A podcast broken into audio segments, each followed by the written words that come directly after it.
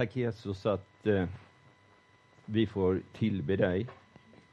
Vi får lovsjunga dig. att Vi liksom får öppna vårt hjärta, vårt inre för dig och ta del av ditt goda, ditt underbara. Herre, vi ber att du ska välsigna bibelverserna på våra hjärtan. Tack att ditt ord är liv. Tack att ditt ord är kraft. Tack att ditt ord är uppmuntran och glädje, Herre. Vi tackar dig för det, Jesus. Amen. Amen.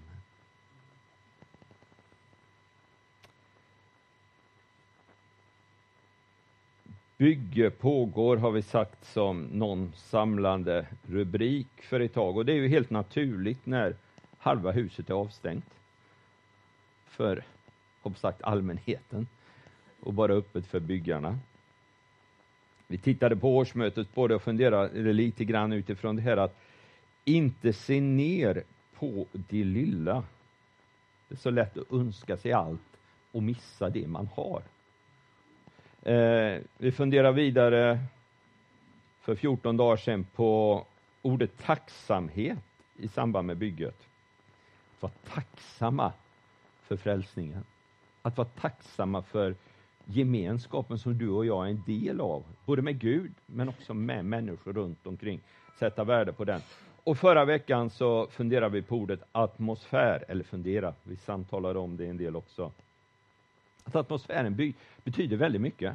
Tänk i skapelsen, Gud använde fem dagar för att skapa förutsättningen för oss att leva. Så skapade han oss på sjätte dagen och sen tog han igen sig. För det fanns en möjlighet att leva i det sammanhanget. Och atmosfären är viktig i församlingen. Idag ska vi stanna för ett annat ord. Ett oerhört vanligt ord. Ett ord som vi använder jämt och ständigt, ordet bön. Vi använder det i lite olika former, bön, tillbedjan, åkallan, lovsång och så vidare. Och så vidare. Men just det här uttrycket bön då, som ett bygge. Och jag tänker att man kan ha väldigt olika förhållande till det här ordet. Alltså, bön är ju en tillgång. Alltså det är ju en välsignelse att jag kan få be till Gud. Alltså tänk att jag kan få utnjuta mitt hjärta inför Gud och berätta precis som det är. Wow, hur skulle jag klara mig utan det? Och Bibeln säger att jag ska be ständigt. Ja, det är ju en tillgång, någonting som är ständigt. En stor del av livet. Bön kan ju också ibland, tycker jag, nästan beskrivas som besvikelse. Jag har gett så mycket tid i bön, men inget av det som jag tänkte skulle hända har hänt. Har ni stått där någon gång och funderat? Det gör jag ibland. Det är bara att erkänna. Bön kan också skapa dåligt samvete. Ja, jag borde be mer. Och varför kommer det så få när vi har bön, säger någon. När vi då säger att det är det viktigaste vi kan göra. Och så lyfter det inte, utan nästan skärper istället. Och ibland tänker jag så här, det har jag tänkt hela mitt liv, och det tänker jag fortfarande. Och det är ju så bedrövligt. Varför kan inte jag be lika andliga, fina böner som andra? Har ni tänkt så någon gång? Och jag tycker att vissa, de har ett sånt flyt med de religiösa uttrycken och de byter tonläge ibland och ungefär nästan som en höjning i Melodifestivalen. Och där sitter jag med mitt torra, tuntiga, fyrkantiga språk och försöker att forma en bön.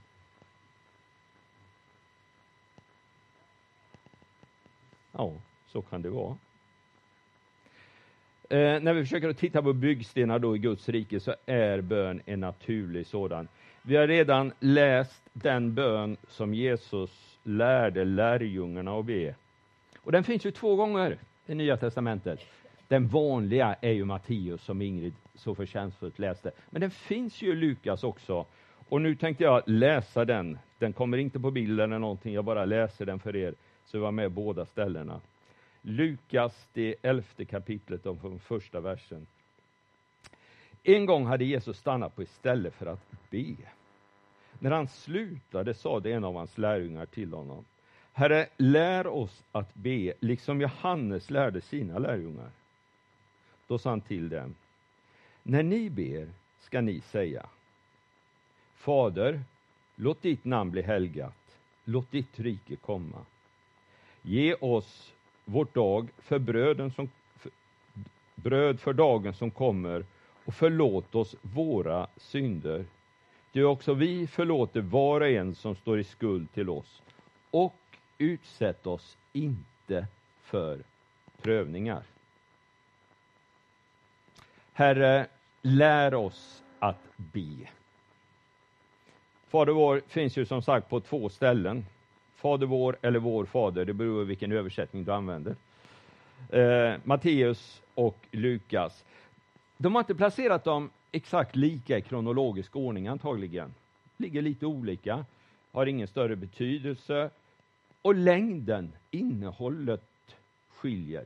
Matteus har några led mer i sin bön. Anledningen till att bönen finns med enligt Lukas är tvåfaldig. En anledning är tydlig och en kan vi lite mer ana. Det stod ju så här, en gång hade Jesus stannat på istället för att be. Och när han slutade sa det en av hans lärjungar till honom, Herre lär oss att be, liksom Johannes lärde sina lärjungar. Den lite, inte lika tydliga anledningen, det är ju att de hade sett hur Jesus gjorde. Alltså Jesus var förebild. Han har stannat för att be. När han slutar kommer frågan. Och följer du Lukas evangeliet så är ju det en av de genomgående temana i Lukas. Jesus som bedjare eller förebedjare. Det kommer med olika tillfällen. Så lärjungarna hade sett ett föredöme och därefter tagit efter. Men det som är tydligt i texten det är att lärjungen, vem det nu är, vi vet ju inte. Och det skulle ju vara så spännande att veta, vem är det? Men vi vet inte. Det kanske du och jag det syftar på. Ställer frågan, lär oss att be, liksom Johannes lärde sina lärjungar att be. Alltså, det finns en liten fnurra på trån, säger teologerna, och det kan du läsa i texterna, mellan å ena sidan Johannes lärjungar och Jesus lärjungar. De är inte riktigt kompatibla. Det finns en liten avundsjuka och lite så här i vissa sammanhang. Och nu har Johannes lärt sina lärjungar och be en bön tillsammans. Och då tänker den här Jesu lärjungen antagligen, men Jesus, vi kan ju inte vara sämre än Johannes lärjungar. Vi måste ju också ha en bön. Och bönen hade som syfte, bland annat, att vara en identikator, en faktor som de identifierar sig med. Så när Johannes lärjungar bad sin bön, ja, det här är Johannes, här känner vi oss hemma, det här stämmer vi in i. Och så säger Jesu lärjungar, men vi har ju inget sånt. Vi behöver det Jesus. Och har du tänkt på, det är ju ofta, och så läste de antagligen den här bönen då tillsammans högt och så kände de, vi är en del av detta. Det är inneslutande, det är omslutande. Och det är ju ofta så vi använder Fader vår också. Det är kanske inte så ofta vi sitter och läser den tyst för oss själva, utan vi använder den i offentliga sammanhang. Och vad händer? De allra flesta kan den mer eller mindre, som är i det här rummet utan till. mer eller mindre. Om ni skulle be mig läsa Fader vår utan till just nu, så kommer jag gå bort mig. Det är garanterat så. Eh, men jag kan läsa den till. Under en tid när jag jobbade i Sala så fattade jag inte på begravningar varför försvann hela församlingen när vi läste Fader vår? Och det blev bara jag kvar. Och vet ni vad hemligheten var? Jag hade vänt på två led i mitt manus. Och jag märkte det inte. De försvann hela tiden. Jag tänkte, kan de inte den här? tänkte jag. Och det hände fem, sex gånger ända till någon sa till mig, du kanske inte har rätt där i. Och det hade jag inte. Men alltså någonstans är ju det här för att man ska kunna identifiera sig, vara med i bönen och stämma in och gå åt samma håll. Samtidigt tänker jag att den här lärjungen, vem han nu än är, som säger lär oss att be som Johannes. Han berör något av den djupaste längtan som finns hos oss. Att kommunicera med Gud och be till honom och komma nära honom i bönen. Vi är ganska ofta uttryck för den längtan och vi är kanske i sällskap med Paulus som i Romarbrevet beskriver den här längtan och det blir en viss frustration ibland att vi når inte fram, vi lyckas inte. Och då säger Paulus så här, på samma sätt är det när anden stöder oss i vår svaghet. Vi vet ju egentligen inte hur vår bön bör vara. Men anden manar gott för oss. Och så finns det den där kombinationen. Herre, lär oss att be.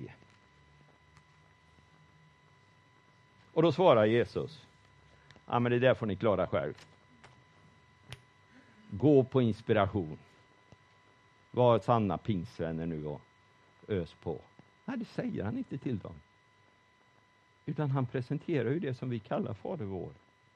Alltså han tar lärjungarnas fråga på allvar och ger dem svar med orden. Den bön som vi ber med samma ord varje gång. Vi ber den gemensamt högt, det gjorde antagligen de.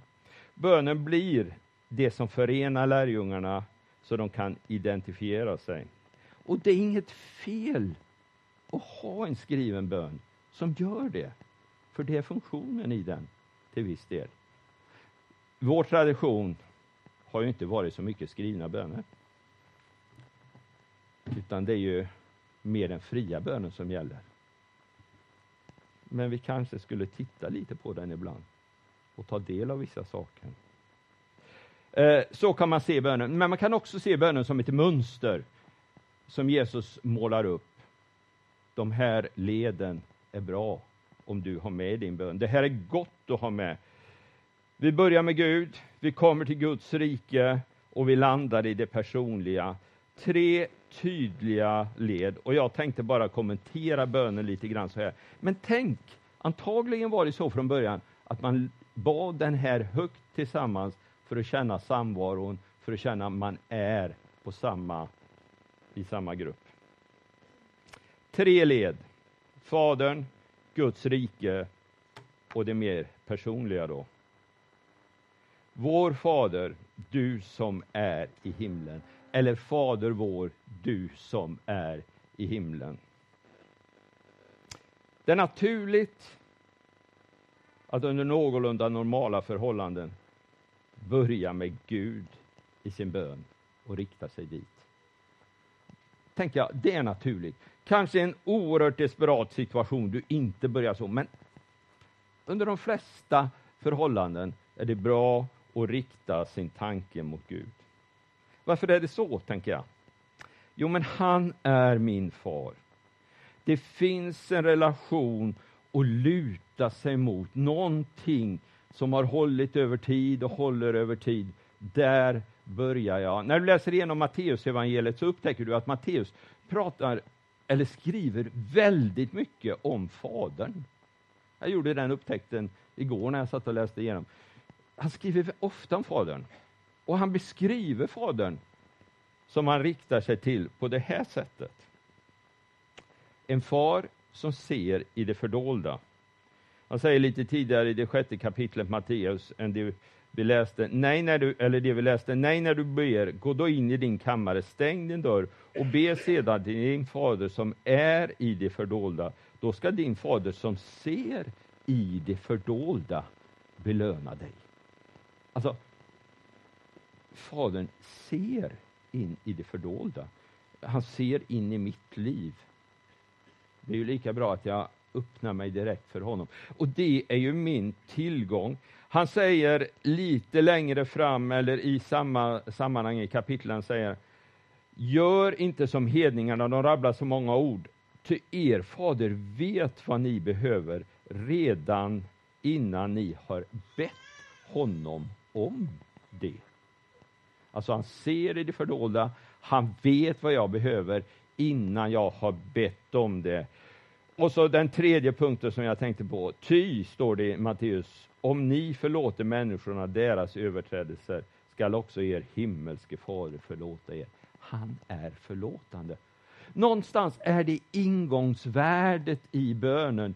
Du och jag har en far i himmelen, ser i det fördolda, hör vår bön innan den är formad och förlåter. Och det använder Jesus uttrycket med Abba, Fader, käre pappa. i Markus, i ett semane, när allting är som hårdast, så säger Jesus, Abba fader, käre pappa, om det är möjligt, låt denna bägare gå från dig. Om inte, så vill jag ta den. Alltså det tänker jag, Fader vår, det är det som vi identifierar oss med. Vad identifierar vi oss med? Jo, min far, min pappa i himlen, som ser rakt ner i min situation, rakt ner i mitt sammanhang. Och Paulus, eller i Apostlagärningarna så säger Paulus, när han kommer i, i eh, det sjuttonde kapitlet, är väl i, i, i Aten, Paropagen, och ser alla gudarna, så säger han, för det är honom vi, le, vi lever, rör oss och är till i. Alltså Gud. Det är därför jag tänker att Fader vår börjar där den börjar. Du som är i himlen. Du som är i himlen. Alltså, min far är i himlen, jag är på jorden. Den som är i himlen, om vi nu tänker som vi ofta tänker det, om nu himlen är över eller vad den är, det vet vi inte, men vi tänker så. Han har ett annat perspektiv. När du har någon av er, ja, man kan ju se filmer som de gör med sådana här drönare. Jag såg en på Åstol som jag och tänkte, wow, är det så vackert där jag har växt upp? Det var ju bara några gamla sletna sjöbodar och brygger och så vidare. Men när man såg det uppifrån och de flyger in över det här havet som glänser i solen och det är alldeles stilla. Vet du. Man tror det är 30 grader varmt och 23 i havet och allting. Det blir ett annat perspektiv. Och när jag vänder mig till min far som är i himlen i min situation, så tror jag det för in ett annat perspektiv i min bön, i min tillvaro. Och vår primära uppgift som människor, vår primära uppgift som Guds barn, det är att vända oss till Fadern i bön, i tillbedjan, i lovsång. För han älskar oss. Han är vår far. Vi inte bara älskar Gud för det han gör, utan framför allt för den han är. För den han är. Han är min far. Låt ditt rike komma blir andra ledet. Efter det här ska vi göra en litet break. Låt ditt rike komma. Tänk nu på när du läser det här, att Jesus och lärjungarna var judar. I den tiden de lever i Palestina och Israel så finns en oerhört stark längtan efter att Guds rike ska träda fram. Abraham hade fått luftet, av dig ska det bli ett stort folk, mäktigt folk. Och så har den här förväntan, David skaffar material till templet, Salomo bygger templet och tillbedjan och så vid fångenskapen och så återvänder de och så allt det här. När ska Guds rike träda fram? Det är den längtan de lever i, det är den längtan Jesus säger låt ditt rike komma i. Dessutom lever de nu igen i ett ockuperat land, vilket naturligtvis föder en längtan efter något annat, ett annat rike. Är man dessutom, som antagligen i det här sammanhanget där det utspelar sig, i norra Israel i samband med bergspredikan, i den del av landet där befrielselängtan, där befrielserörelsen, där seloterna fanns, där de som ville ta till vapen för att kasta ut romarna. Stark. Och så säger Jesus, så ska ni be. Låt ditt rike komma. Det finns så oerhört mycket som knyter an till det här. Och Guds riket är, eller himmelriket, Jesus använder ju dem om vartannat, är det genomgående temat i Jesu förkunnelse egentligen. Markus inleder sitt evangelium när Jesus träder fram och säger så här. Tiden är inne, säger Jesus, Guds rike är nära. Omvänd er och tro budskapet. Så går det som en röd tråd genom hela vandringen upp och ner i Israel, de 22 månaderna i Galileen, de sex månaderna i Judeen tillbaks och så vidare. Så dör Jesus och så uppstår han. Och har ni koll på vad Jesus gör mellan uppståndelsen och himmelsfärden? Kuggfråga.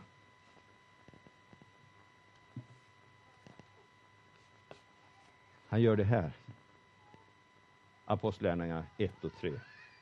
Han framträdde för dem efter att ha lidit döden och gav dem många bevis på att han levde, då han under 40 dagar visade sig för dem och talade om Guds rike.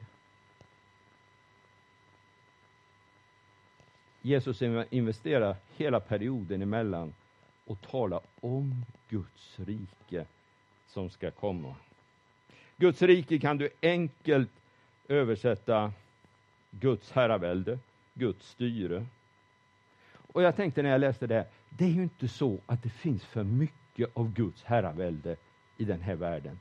Det finns inte tillräckligt med Guds styre i den här världen egentligen. Tvärtom.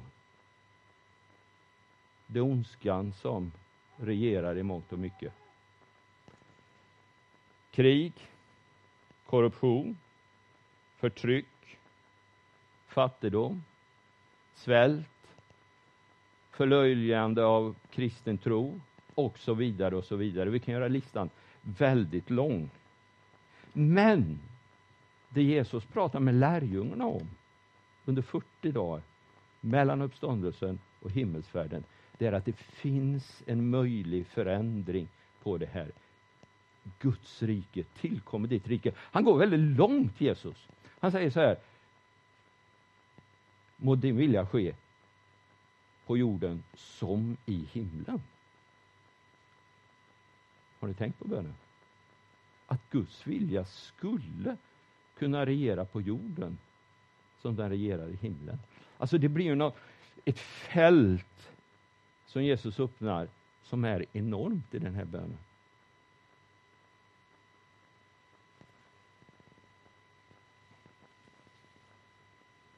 Nu räcker det kanske inte bara med att be. Och nu känns det nästan som jag pratar emot mig själv. Eh, vi behöver be och kombinera vår bön med det vi gör. När Jesaja i det 58 kapitlet, som är ett fantastiskt kapitel, är inne och talar på om hur de ska fasta. Och så säger de, vi fastar och det är så bra och så vidare. Så här, Nej, säger han, det är inte bra. Det är inte den fastan jag vill ha. Och så läser vi från Jesaja 58. Nej, detta är den fasta jag vill se. Att du lossar orättfärdiga bojor, att du sliter sönder okets rep, att du befriar de förtryck, förtryckta, krossar alla ok. Dela ditt bröd med den hungrige, ge den hemlöse stackaren husrum.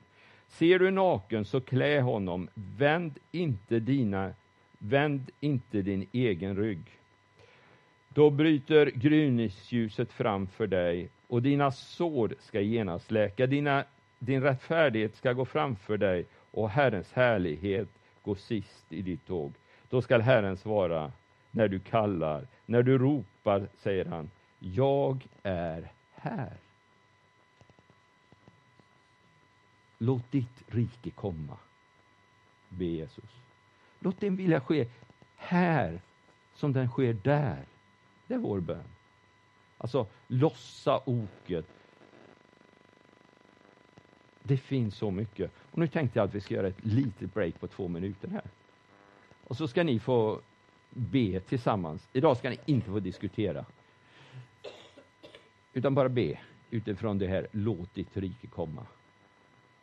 Identifiera någonting som du vill be för. Det kan vara integrationsfrågor, det kan vara orättvisor i världen, det kan vara något som du möter på ditt arbete eller ditt sammanhang. Men ta två minuter och så gör vi det till ett stort bönemöte mitt i gudstjänsten. Och så ber ni för det runt ert bord. Låt ditt rike komma. Varsågod. Led 1. Vår Fader. Led 2 i bönen. Låt ditt rike komma. Och led tre i den här bönen blir då Ge oss vårt bröd för dagen som kommer, eller ge oss vårt dagliga bröd. Nu ska vi inte göra en lära av detta, men bara en liten reflektion. I Matteusversionen av bönen så används 12 ord i första ledet, det som handlar om Gud, vår far. 14 ord om det som handlar om Guds rike och 38 ord när vi ska behandla vår egen situation. Har vi lättare med Gud och Guds rike än oss själva? Skulle man kunna fundera på. Eh, bönen berör, berör då tre grundläggande behov hos oss. Det här ledet berör tre grundläggande behov. Materiellt, relationer och skydd. Och du ska inte uppfatta det här som en befallning till Gud. Ge oss brödet. Förlåt oss. Utsätt oss inte för prövningar. För du och jag kan inte befalla Gud. Utan det är till sin form skrivet, läste jag hos Lennart Törn i hans kommentar över Lukas, som en vädjan. Om möjligt Gud, låt det få vara så här. Och du kommer, när du läser Lukas fortsättningen, så kommer du i, i liknelsen som Jesus tar om vännen som kommer och knackar på på natten och säger Du, jag har fått plötsligt besök. Kan du låna mig tre bröd? Kommer jag inte ihåg om antalet var rätt. Han svarar inifrån. Nej, tyvärr. Jag har gått och lagt mig och barnen ligger i sängen. Konstigt tycker vi, men det var ett rum som fungerade som allting i det här huset och på kvällen när de la sig så fyllde de hela golvet. Naturligt. Men det slutar ju med att han får sina bröd. För att han är så enträgen. Och det är det som Jesus liksom lägger i den här vädjan, var så enträgen.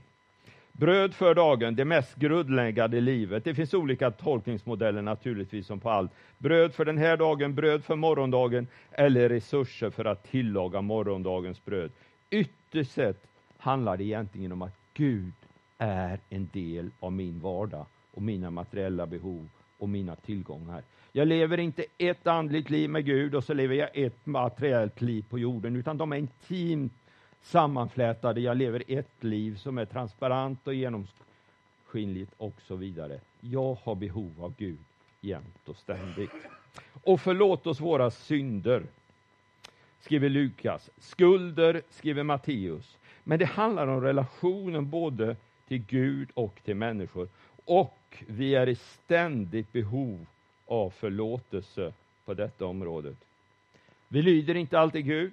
Det får konsekvenser för vårt förhållande till Gud, men också vårt förhållande till medmänniskor. Vi handlar illa mot varandra och det påverkar vårt gudsförhållande och relation emellan oss. Därför är du och jag i ständigt beroende av förlåtelse. Ständigt beroende, egentligen en daglig bön. Förlåt oss våra skulder som vi förlåter. Det är ju nyckeln naturligtvis. Och utsätt oss inte för prövningar. En vädjan formulerad ungefär så här, att inget värre ska möta mig än att jag i det jag möter håller fast vid din vilja, Gud. Utsätt oss inte för prövningar som drar oss bort eller som för oss bort, utan som för oss nära. Tre led i den bön som vi alla kan, kanske utan till, åtminstone läst till. Vår far, låt ditt rike komma. Ge oss idag vårt bröd för dagen. Ut, avslutningsvis då, och utmaningen som jag formulerar den. Hur är del, den här bönen en del av Guds rikes byggande? Orden, bönen som Jesus lär lärjungarna att bedja är en gemensam identifikation. Något som gör att de håller samman eller att de känner igen varandra. En bön som de antagligen, som var sagt, bad högt tillsammans på samma sätt som vi gör det orden som jag, min, mitt finns inte i bönen. Har ni tänkt på det? Utan orden vi, oss och vårt är den som den är uppbyggd kring. Jag läser igen. Ge oss idag vårt bröd för dagen som kommer och förlåt oss våra skulder liksom vi har förlåtit dem som står i skuld till oss. och utsätt oss inte för prövningar, utan rädda oss från det onda. Ett bygge och Guds rike, om du tänker en lokal församling eller om du tänker Guds rike på världsbasis, eller om du tänker en bönegrupp i Guds församling, handlar inte bara om mig, utan den handlar ju framför allt om oss. Vi har så att säga ett kollektivt ansvar för varandra. Vare det sig det gäller brödet för dagen eller skulden som plågar vårt inre och inte minst när det kommer till prövningar. Bilderna som Nya testamentet använder för att beskriva församling eller Guds rike talar väldigt mycket om relation och gemenskap och om oss. Kropp, vinträd, ett bygge där stenarna placeras i förhållande till varandra. Det talas om ett hushåll.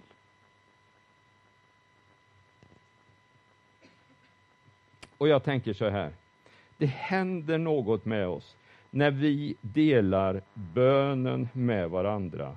Det kan vara Fader vår som vi läser högst, det kan vara ett bönemöte där var och en säger sin bön eller formar sin bön, vilket vi ska göra. Det är en gudstjänst när någon leder i bön och du är med och stämmer in. Det gör någonting med oss, det gör någonting med oss tillsammans.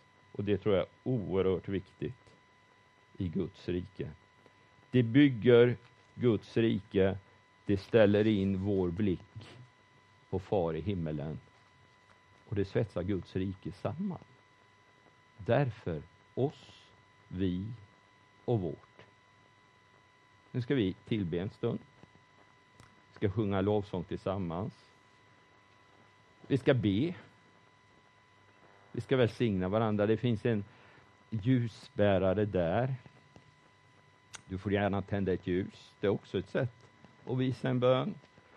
Eh, om du är riktigt frimodig kanske du kan kracka grannen på axeln och säga kan inte du be för mig? Eller kan vi be för det här tillsammans? Och du är ännu frimodigare så kanske du kan knacka grannen på axeln och fråga, får jag välsigna dig? Inte tränga dig på, inte bara överfalla någon, det är inte det vi pratar om. Men med en fråga. Och så är vi inför Guds ansikte och så tillber vi. Och du får gärna leda i bön mellan sångerna, lovsångerna och så skapar vi en atmosfär där vi bryr oss om oss och vårt och kanske inte bara mitt.